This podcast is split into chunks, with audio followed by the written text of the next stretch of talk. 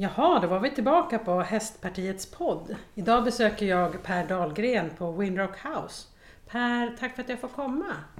Men tack att du ville komma. Det här är jättespännande. Ja. Hörru du, du är ju tränare. Berätta lite, men vem är du och vad gör Mm. du? Jag heter alltså Per Dahlgren och jag eh, jobbar med hästar. Har gjort så egentligen sedan jag var kanske eh, 18 år. Så har hästarna, eller hästjobbet varit min största del. Jag började rida redan när jag var 8-9 år någonting. Eh, och sen har jag hållit på och ridit, tävlat ganska mycket. Sen ja, tävlat, utbildat hästar och mer och mer gått över på tränarrollen. Så jag är då så kallad B-tränare i hoppning. Och det innebär egentligen att jag åker runt på olika anläggningar. i Mest, I första hand i Stockholmsområdet men även runt om i lite olika delar av Sverige. Och jag håller träningar för eh, ryttare med sina egna hästar. Och det här är det, är det som är min huvud, huvudsyssla idag. Mm. Men eh, är du Haninge-kille eller? Både ja och nej. Jag är uppväxt i Nacka Mm. utanför Stockholm. Och eh, sen flyttade, köpte mina föräldrar en hästgård i Haninge. Alldeles bara ett par kilometer från där vi sitter just nu. Mhm. Och då var jag 14 när vi flyttade dit. 14-15 någonting. Och där bodde vi i nästan 20 år. Mm. Och där var där jag började bedriva min eh, hästverksamhet. Mm. Mm. Med då, ja, avel lite grann. Men framförallt då tävlade jag ju mest. Det var det som var Målet var ju att jag skulle rida något OS eller något sånt där någon gång. Mhm. Blev det en OS? Nej, det blev det inte. Men har det alltid varit hoppning? ja, det har alltid varit hoppning. Mm. Det. Mm, varför det? Ja, Jag vet faktiskt inte. Det var roligast tycker jag. Lite Mm. mer drag. Mm. Dressyr var lite långsamt. Mm. Fälttävlan var för galet. Det var väl de tre grenarna som, ja, som fanns tillgängliga. Mm. För det var liksom halvblodshästar jag höll på med. Mm. Så att, eh, hoppning var nog det som passade mig bäst. Mm. Vad tänker jag? mm, B-tränare, vad innebär det att vara B-tränare? Vad innebär det? Det finns ju tre olika nivåer av tränare i Sverige. Det är C, B och A. C-tränare är ju det man blir först och då är väl tanken egentligen att C-tränarna ska ta hand om den här kanske grundutbildningen av ryttarna. Mm. Ehm, med egen häst och liksom grunderna upp till ett klass kanske. Och sen är väl tanken att B-tränare ska liksom ta ryttarna nästa steg. Och A-tränarna ska kanske rikta sig mest mot toppryttare. Mm. Nu fungerar det ju inte så i verkligheten utan alla tränare har ju eh, ryttare på alla nivåer Mm. såklart. Men så är väl tanken då. Så att, eh, jag har ju varit B-tränare nu i många år och har ju många elever Mm. Också på hög nivå. Så att, eh, får vi se om jag kanske ska bli A-tränare någon dag eller Ja. söka för att bli A-tränare. Ja.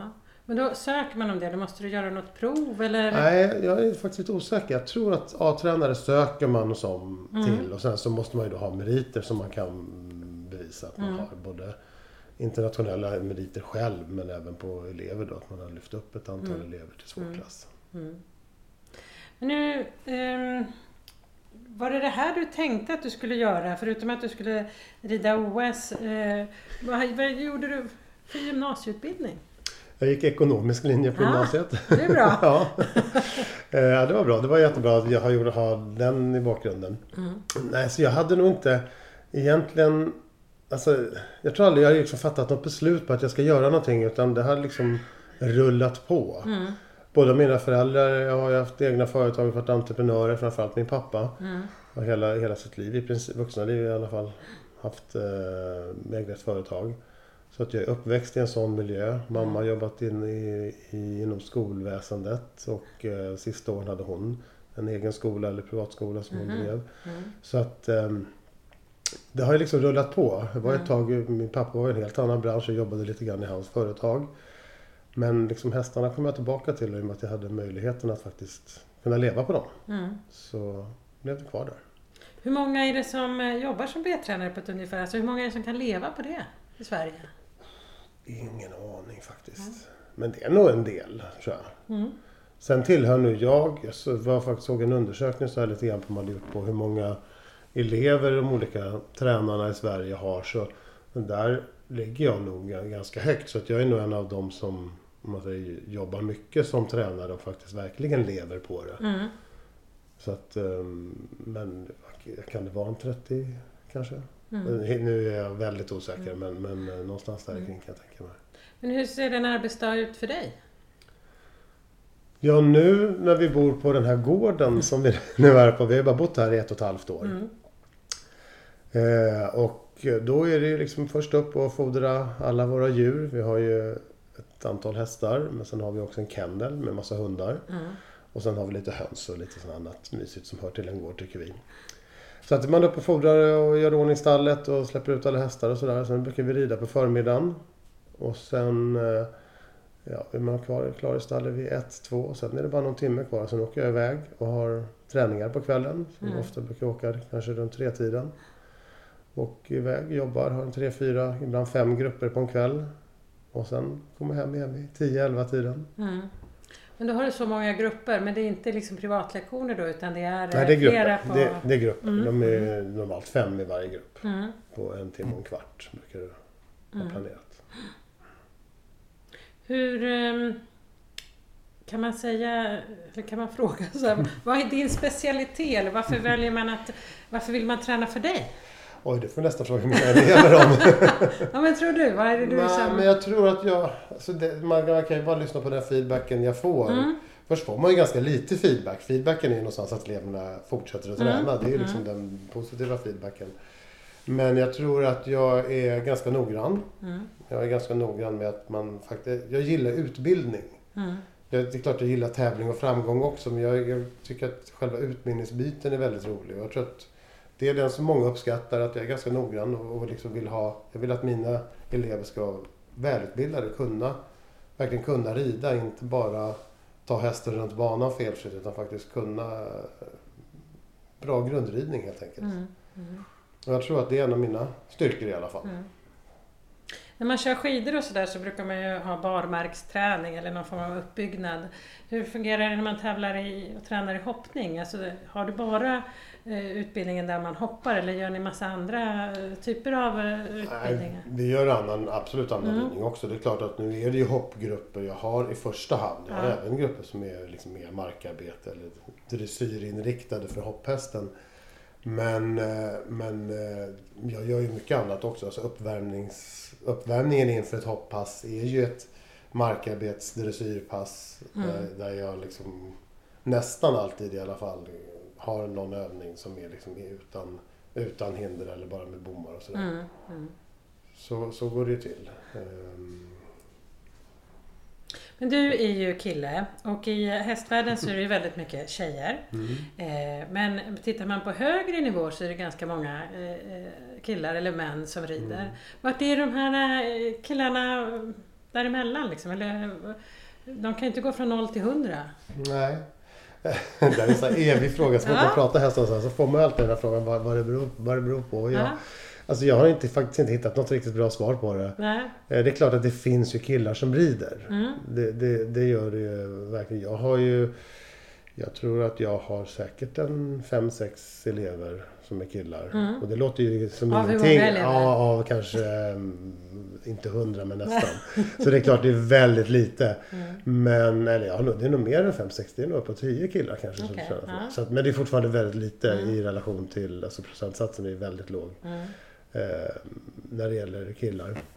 Nej, jag vet faktiskt inte om killar kanske har sats, vågat satsa mer. Jag Mm. vet inte vad det är. Eller, eller man har ju haft teorier om det här att det blir en ganska tuff sport när man kommer upp på högsta nivå. Mm. Det är tufft både för häst och ryttare. Det krävs ju både bra fysik för hela ekipaget. Mm. Och kanske att killar har lättare att stänga av känslor och liksom rida hästen för tävling mer. Jag vet inte om det Okej. kan ha, ha någon betydelse. Mm. Jag tror faktiskt egentligen inte det, men det är de teorierna man pratar om. Men Mm. jag vet inte faktiskt. Ja, intressant. Men jag tänker, du har ju ett företag och jobbar med det här. Hur är det att driva företag inom hästnäringen? Det är, alltid, det är alltid svårt att driva företag tycker jag. För det är väldigt Ja, krångligt. ja. Det är väldigt mycket... Vad är det som är krångligt då? Nej, men det, är mycket alltså det är mycket man ska lära sig att driva ett företag. Mm. Det är inte någonting som... Men det, det tror jag inte att hästföretag är svårare än något annat. Nej. Faktiskt. Det som är svårt för oss är att vi har olika momssatser. Inte bara 25 procent som de flesta kanske Mm. har. Mm. Nej, men jag skulle inte säga att det är, det är något, just att driva ett hästföretag är svårare än något annat. Det tror jag Mm. inte. Det är ju tufft ekonomiskt såklart att få det att gå ihop. För jag, Mm. menar, jag jobbar väldigt mycket och det, det är ändå inte liksom... Det gör att jag har mat på bordet och kan leva ett hyfsat bra liv men jag blir aldrig rik på att ha träningar. Nej. Utan de gångerna jag känner att jag kan få in lite mer pengar och kanske känna att man har lite bättre det är om jag har utbildat någon häst själv som jag köpt som ung för en hyfsat vettig peng och Mm.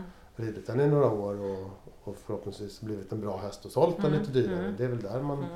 Det är, det är väl det som många, många andra tränare också tjänar sina pengar på. Att trä, träningsrollen är kanske basen för verksamheten för att den ska hållas flytande. Men att sälja hästar och utbilda hästar är väl det som man, där man kan få in lite mer pengar på. Mm. Hur många hästar har du idag? Idag har vi, det är vi två stycken som driver här. Vi har, eh, hur många har vi? Vi har fem hästar Ja. I nuläget. Är det inklusive den där lilla shetlandsponnyn Ja. som jag ser ut genom Ja. fönstret? Inklusive lilla Nisse. Ja. Så att, ja. Så att Nisse har du haft länge eller? Nej, Nisse är ganska nyinköpt. Ja. Det var min sambo Christian som kom hemfarandes med den här lilla ponnyn här för ett par månader sedan. Ja, vad ska ni göra med Nisse då? Fråga inte mig. Jag är ganska motståndare till Nisse. Nej, han är jätteskön faktiskt. Just nu går han som sällskap till en av våra unghästar. Ja. Och det funkar rätt bra. Mm. Han sysselsätter unghästen så den eh, får stimulans. Och, så att, Mm. ja, Kanske han- lite han sån här är- tricks, eh, trickträning? Ja, men kanske. Vi får Ja, se. ja. Nisse, Nisse får säkert en roll, eller större och större roller. Men just nu är han bara i hagen. Ja, ja, och de övriga, berätta lite om Ja, hästarna. men vi har ju då eh, en tioårig vallack Mm. som tävlar i hoppning. Mm. Eh, som har gått eh, 1,40. Oj. Just nu är han inte, ja han är väl på den nivån men han har inte tävlat så mycket. Jag hade inte så mycket tid att tävla förra året och så var det den här lilla coronan som kom i vägen också för mycket av tävlingarna. Mm. Så att vi gjorde bara några få starter förra året. Men året innan gick han lite under 40. Och nu är tanken att han ska igång och tävla igen. Mm. Försöka få upp honom på den nivån. Mm. Och sen så har vi en femårig dressyrhäst Mhm. som också utbildas just nu. Mest för dressyr och det, ja, jag rider den lite grann men där har vi en dressyrtränare som utbildar den i första Mm. hand. Mm. Och tanken är väl att han kanske ska kunna gå de här femårsklasserna under året. Mhm, vad spännande. Mm. Väldigt spännande. Det är en Mm. jättetrevlig häst så vi hoppas, hoppas rätt mycket på honom. Är det en sån som du ska rida till och sälja eller ska du Ja, satsa på dressyren här Nej, på äldre dagar? Jag ska inte satsa på dressyren alls utan det, det är mest att han, han kom in i familjen och det är en jättefin häst Mm. och vi låter han utveckla sig och ser hur bra han kan bli. Mm. Helt enkelt. Spännande. Ja, det är Ja. spännande. Ja. Kul. Det är också dressyr. Det är lite, lite, även om jag har varit lite i dressyren förut så är det ändå ny, ny, lite nytt för mig Ja, att vara i dressyrvärlden. Mm. Ja, det var vi tre hästar. Ja, och sen har vi en tvåårig hingst Mhm. som går på lösdrift och, växer till sig. Mm. Och en ettårig hingst som också går på samma, går på lösdrift och Okej. växer till sig. Ja. Så att vi, just nu har vi bara två hästar som rider. Mm. faktiskt. Mm. Är det bara du och din eh, sambo som rider eller har ni, alltså, lånar man ut en sån häst? Nej, det är bara vi som rider. Mm. Och sen har vi vår dressyrtränare som rider dressyrhästen Mm. framförallt. Och sen har vi en tjej som, som har sin häst här och så som hjälper oss ibland. Mm. Men eh, annars är det vi som rider våra hästar själva. Mm. Rider ni varje dag? I princip. Mm. Mm. Inga Eh, vilodagar? Jo, någon vilodag. Nej men vi, de hästarna rids nog i alla fall sex dagar i veckan. Det skulle jag tro. Mm. Mm. Lite beroende på. Nu har det varit nu är det mitt i vintern och nu har det varit ganska tråkigt väglag att rida så då har Mm. varit lite begränsat såklart. Men annars så i princip varje dag. Och ni har ingen ridhus? Nej, det Nej. har vi inte. Men ni tänker kanske bygga ett? Ja, Men det är inte så det, enkelt. Nej, det är inte så enkelt. Det har varit en lång resa. Vi har Mm. som sagt bott här i ett och ett halvt år och eh, stall och så fanns när vi flyttade hit. Eh, Men inget ridhus. Mm. Så att eh, vi hade ju tänkt att från början, men det bygger man väl bara upp så att det är snabbt fixat. Mm. Men det var inte riktigt så enkelt. det har tagit ett och ett halvt år och vi har nu äntligen eh, byggloven inlämnade på Kås kommunen. Så Mm. nu väntar vi på att få bygglov. Ja, vad spännande. Ja, vi hoppas att det ska gå vägen. Ja. Är tanken då att du ska ha fler eh, träningar här hemma? Eller? Ja, det är det. Mm. Det är, det är väl två tankar. Med att först att jag ska kunna ha lite mer träningar hemma. Mm. Men framför allt så är det nog för att vi ska kunna ha lite mer hästar i träning för oss själva. Så Mm. ha som väger och utvecklar och tränar och så småningom säljer. Mm. Det är väl det som är de bitarna som är det som är det ska användas till, det som Mm. vi vill ha det till. Vi har ju en jättefin ut, eh, ridbana ute nu så att så fort våren är igång så Mm. är ju det, Mm. funkar ju det bra. Men eh, nu på vintern är det lite jobbigt. Ja. Men det är ju rätt mycket att göra när man bor på en sån här stor gård. Jag tänker röja snö och hur hinner ni med allt? Eller har ni någon som eh, gör sånt? Nej, Ni har Vi gör allt själva. vi gör allt själva. Nej, men, Ja. Jo, men alltså det, jag har ju haft gård förut så att man, jag är lite van. Jag är van att jobba mycket. Mm, mm. Att liksom gå upp sju varje morgon, det är inte, för mig inte jobbigt. Nej. Utan det, jag tycker det är mysigt att komma upp och fodra hästarna och hela den här biten. Mm. Ehm, så att det är långa dagar. Mm. Det är det ju. Det men samtidigt så är det också en enorm frihet. Mm. Man, man, man gör sitt för sig. Det är liksom ingen som... Om jag inte orkar flytta på den där sandhögen idag så gör jag det imorgon. Det är Mm. liksom inte någon som står med piskan på det. Men sen tycker man, jag, jag tycker det är kul att jobba på gården. Jag tycker det är Mm. kul med alla djuren framförallt. Det är ju det som är huvudgrejen. Det är härligt det här liksom morgonen, fixa hästarna, ta med hundarna på en lång promenad. Och så rida och lite olika ordning på de där. Och så, så, ja, men det är ett härligt liv. Mm. Ja, det låter ju underbart. Ja. Jag tänker om eh, det är någon som lyssnar nu som funderar på att men man kanske skulle börja tävla i hoppning. Mm. Har du några bra tips då? Ja, jag har många bra tips. Men, men eh, jag tror att vikt, ett viktigt tips som verkligen är om man ska säga något, att man ska köpa egen häst. Om vi Mm. börjar den ändan. Det är att ta hjälp av en rutinerad person, tränare eller liknande. För Mm. det, det är något som är mitt största bekymmer tycker jag när jag kommer på träningar och träffar nya elever eller även elever som jag haft ett tag. De är så glada att ha köpt en ny häst och det är klart det ska man vara överlycklig för men allt för ofta så är det kanske inte rätt häst som är köpt till rätt ryttare och Mm. för rätt, med rätt förutsättningar och rätt ändamål. Mm. Så att eh, det är nog mitt absolut viktigaste råd. Att Mm. ta hjälp. Det, Mm. trän, vi tränare finns ju här för att hjälpa till. Och det Mm. finns, jag som tränare blir mycket gladare om jag har en elev som har en passande häst för den eleven. Mm. Både mitt och elevens jobb blir så mycket roligare då. Men är det något Att man det- kan ta hjälp av dig som tränare? Om man nu behöver en ny häst? Alltså bara Absolut. hittar en, Mm. en matchmaker. Ja, man kan kalla det matchmaker. Men, ja, ja, men absolut. Det, det, Mm. tror jag, det tror jag nästan alla tränare gladeligen ställer upp på. Mm. Det är klart att ett telefonsamtal och kolla på en video kan man ju göra men sen så får man ju se det som ett jobb så det är klart man kanske måste ta betalt för det. Mm. Mm. Men eh, jag skulle säga att alltid är det värt de pengarna Mm. i sådana fall. Om det inte är någon som ska ta jätte, jättemycket pengar såklart. Mm. Men, men alltså det, det, det är verkligen värt att eh, lägga lite engagemang på att få den hjälpen. Ja, för det är verkligen svårt att hitta en bra häst. Men det är En frisk häst. Ja men det är så många som den ska vara frisk. Den ska liksom funka till det man vill. Och, och, alltså det är jättesvårt. Mm. Och har man då, kommer man då från typ ridskola eller kanske haft någon medryttarhäst eller vars fodervärd på en häst och inte liksom har så bred erfarenhet så är det ännu svårare. Mm. Men jag ser också fall, liksom folk som har haft några hästar i livet och ändå kommer med något som enligt mitt tycke kanske inte var det mest lämpliga köpet. Nej. Så att, eh, och det, det är inte, handlar inte, det finns ju ingen som vill vara dum utan det här är ju bara att man ehm, man, eh, man måste inte vara rädd för att fråga om hjälp. Nej, men precis. Och vara, vara beredd på att lyssna på hjälp också Mm. såklart. Mm. Men om man nu inte har tävlat innan så kanske man inte har någon tränare, men man kanske går på Nej. ridskola. Mm. Eh, Kan man helt random ringa dig och säga hej, jag skulle vilja börja rida för dig och kan du hjälpa mig att köpa en häst? Absolut. Ja, Det är inget Jättefrämt. problem. Ja. Nej, men det tror jag, alltså, det är klart att man måste ha något, man, man, man bygger ett kontaktnät i vad man än håller på med. Mm, mm. Så att det, det gör man ju. Men jag tror nog att, eh, att eh, prata med...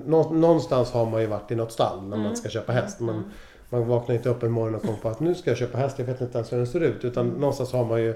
Man har en ridlärare på ridskolan eller man har befunnit sig i något stall. Börja där och fråga. Vet du någon som kan hjälpa mig eller kan du hjälpa mig? Eller, och det är ju, jag menar, vi tar ridskolorna runt omkring här. Alla vet ju vilka tränare som det finns runt i Mm. Söder om Stockholm och att man då kontaktar. Det är inte så. Mm. Men jag tror folk inte vågar. Alltså, jag tror att man inte vet att man kan och man vågar inte. Är det för att ni är så läskiga? Ja, vi är jättefarliga. Nej, Ja. nej jag, tror, jag tror inte att det är liksom det här. Hästar är en passion. Det finns ju inte någon som är elak eller vill någon ont. Utan det här är en passion för djuret och det är klart att det är det vi jobbar med Mm. helt enkelt. Mm. Vi tränare. Har du, eh, är du på ridskolor och, och håller utbildningar också? Ja, ibland. Ja. Jag brukar ha lite så här ibland för, en, för instruktörerna på ridskolor. Mm. Och så har jag haft, hjälpt några ridskolor haft såna här typ lite clinics. Ja, som det. den har sån här teori. Mm. Man har ju teori någon gång per termin. Mm. De flesta ridskolor i alla fall. Jag har haft någon sån här hoppklinik Mm. lite grann. Och, Mm. och som sagt då lite instruktörsutbildningar. Mm. Men inte, det är många år sedan jag jobbade på ridskola med ridskoleelever. Mm. Det, Mm. Det är länge sedan. Men du har inte läst eller, alltså, pedagogik eller något sånt utan eh, du Nej, på- eh, det vi pratade om vad jag hade utbildat mig. Jag gick ju ekonomiskt gymnasium Mm. men sen gick jag också en journalistutbildning efter. Jaha, Så att liksom, så egentligen borde det vara du som ställer frågor till mig? ja, kanske. Jag liksom helt... Men jag jobbade också faktiskt i 20 år på, på Eurosport som kommentator för ridsporten Mm. på TV. Så att eh, jag har jobbat en hel del Mm. med andra saker annat än också själva ridningen. Jag har skrivit Mm. en bok också. Mhm, vad heter den? Ryttarens guide. Ja. Det är några år sedan. Så Mm. finns Och varför ska man köpa den? Alltså, ja. ja men det var en ganska rolig bok. Vi, vi, jag och en, eh, en, en kompis skrev den här boken och, och med mycket lite så träningstips, köpa hästtips, mm. Mm. vara hästägare tips. Eh, och också lite grann den här verklighetsbilden av att jag, det var när jag fortfarande tävlingsred på lite Mm. högre nivå. Mm.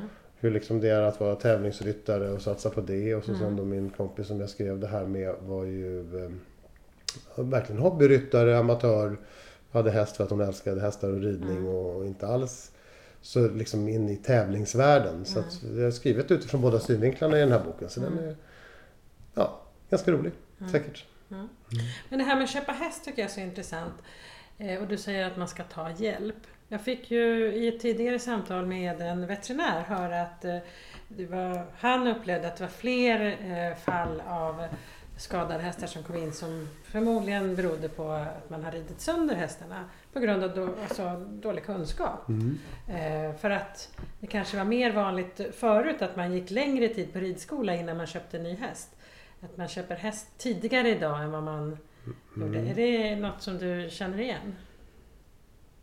Ja, det är svårt att säga, göra jämförelser men jag tror nog kanske att det är ibland i alla fall, att, eller ja det kanske är oftare, jag vet inte. Men att det är kanske att man köper häst lite för tidigt. Ja.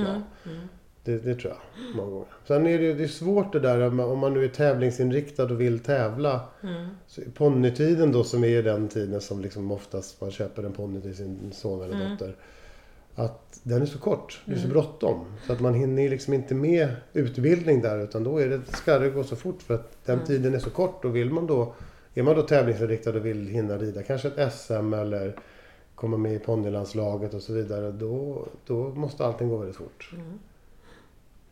Eh, Men, men det, kan, det kan nog vara så att, särskilt då kanske om, om även föräldrarna, någon av föräldrarna har en hästbakgrund. Att Mm. man har att man vet att ja, jag red när jag var liten men fick aldrig chansen som mamma eller pappa då. Mm. Och så kanske man vill ge sitt barn den chansen och Mm. Mm. ha lite bråttom. Både med inköp och med tävlingsframgångar. Så kan det nog vara. ja. mm, intressant. Ja, men det här med att driva företag har vi pratat lite om. Men finns det någonting sådär som du tänker att det här skulle man kunna förbättra för företagare generellt eller för hästnäringen? Eh, för att det ska vara enklare att kunna liksom driva företag. Inte som jag direkt kan komma på så här faktiskt. Nej. Att, eh, något som...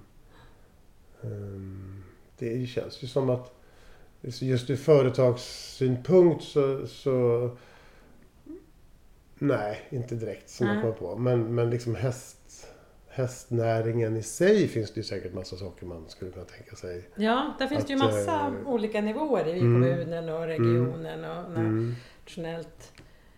Om du fick eh, vara idrottsminister imorgon, vad skulle du bestämma för att bli bättre för hästnäringen? Nej men det och det är också en jättestor, det finns så många, många saker som man, man, jag skulle nog kanske se över kanske ridskoleverksamheten Mm. lite mer. Eh, se vad, vad, vad kunde man som kommun göra för att utveckla ridskolorna. För jag bara tar mm, som våran kommun här så finns det i alla fall minst tre riktigt bra ridskolor. Mm. Men de behöver också utvecklas, ta sig längre. Kanske Mm. för att man ska komma från den här ha ännu mer kött på benen när man lämnar ridskolan Mm. eh, och köper egen häst. Och kanske inslussning i egen hästvärld. Nu är det en ganska liten fråga om man ska vara idrottsminister. Men, men, men jag tror att där, där finns det mycket att göra. Mm. Men sen tycker jag också, en, i och med att tävlings... En, en sak som jag kanske absolut skulle göra. Det är att eh, tävlingarna i Sverige ställs det väldigt höga krav på idag. När jag började tävla, jag är ju i 50-årsåldern idag så det är många år sedan jag började tävla. Så då var alla tävlingar på ridskolor. Det var ridskoleeleverna som var funktionärer på tävlingar och så såg en tävling ut. Mm. Idag är det så mycket högre krav på tävlingar. Ryttarna har så enormt mycket högre krav. Det ska vara underlag, bra underlag, det ska vara hindermaterial, det ska vara faciliteter och så vidare. Och så vidare för, att, för att det ska vara en, tävling som är bra. Och Mm. Det är ju positivt för det är någonting som har gått i rätt riktning. Men där har ju många ridskolor blivit överkörda på vägen. Så det är svårt för dem att arrangera tävlingar med de kraven. Och det blir ofta väldigt låg nivå. Så där skulle jag nog tycka att eh, man skulle kunna titta lite grann på att faktiskt bygga rena tränings och tävlingsanläggningar för ridsporten. Eh, och då tänker jag liksom is, ishallar har vi det i hockey i första hand men det bedrivs även andra sporter Mm. i dem. Om man bygger en ridsportanläggning som inte är ridskola utan som är en tränings och tävlingsanläggning där Mm. tränare kan hyra in sig klubbar, klubbar eller organisationer kan hyra in sig och arrangera tävlingar där förutsättningarna finns från början. Mm. Om man tänker sig ridsporten har ju tre stora grenar. Det är ju hoppning, dressyr och fälttävlan. Men sen finns det ju paradressyr, det finns körning, det finns islandshästar, det finns voltige. Mm. Det finns västen, för jag nästan har rabblat upp så många så jag får inte glömma någon här. Men det finns distans, det finns så många olika grenar. Som faktiskt skulle, man skulle kunna bygga en anläggning som skulle kunna funka för alla. Mm. Eh, Så att jag tror att först kan det vara en ekonomiskt bra men också jag tror att det skulle kunna föra ridsporten ganska bra framåt. Mm. Verkligen, det låter jätteintressant. Mm. Och då borde ju den vara här i Haninge, eller hur? Ja, Ja. det kan vara en i varje kommun. Ja. Nej men det, det kanske är, det, det finns ju, menar, vi har ju några stora anläggningar som det arrangeras tävlingar på idag. Men de räcker ju inte. Nej. Det behövs ju fler. Mm. Och spridning, Sverige är ett stort land. Många mil mellan norr och söder. Mm. Ja, verkligen. Ja, vi får väl se om du blir idrottsminister imorgon. Men det har inte ringt än. Nej, det har ju... Eh, finns många bra förslag så att man kan förbättra för hästnäringen. Mm. Så att det är jättebra. Ja, tiden börjar rinna iväg. Ja, Jag vill tacka så hemskt mycket för att jag fick komma hit idag och jag tror att lyssnarna tyckte det var jätteintressant. Vi får hoppas på det. Ja. Det Och, men om man nu kul. skulle vilja följa ditt arbete, kan man göra det via några sociala medier? Ja, Ja. man kan gå in på Facebook Mm. och så, så söker man efter en grupp som heter Winrock House. Mm. W-I-N-N-R-O-C Mm. House, engelska House. Eh, och så söker man medlemskap där. Mm. Då ser man vårat liv med alla våra djur. Ja. Man ser också mycket av de träningarna jag har och våra hundar. Och så här, och det är ja, ganska populärt. Mm. Många som följer oss. Mm. Så att där får man jättegärna gå in och se vad vi gör. Mm. Och även kontakta då om, angående träningar. och Så där, om man Ja. Vad spännande. Mm. Hur ser din dag ut nu? Och nu är det ju faktiskt en sån dag så att idag har jag inga träningar ikväll. Mhm. Så att är faktiskt oplanerat. Ja. Vi ska, jag ska gå och ta in hästarna snart och göra det sista i stallet. Men Mm. sen eh, är det nog bara en lugn kväll. Mm. Tror jag. Ja, det låter väl härligt. Ja. Ja, jag ska åka på kommunstyrelse. ja, det låter också trevligt. Ja, då. får bestämma någonting bra. Ja. Men stort tack för att jag fick komma och till er andra som lyssnar. Så nästa vecka så kommer vi också få höra en annan typ av tränare. Så att eh, lyssna in nästa avsnitt också. Och tack för idag. Tack så mycket.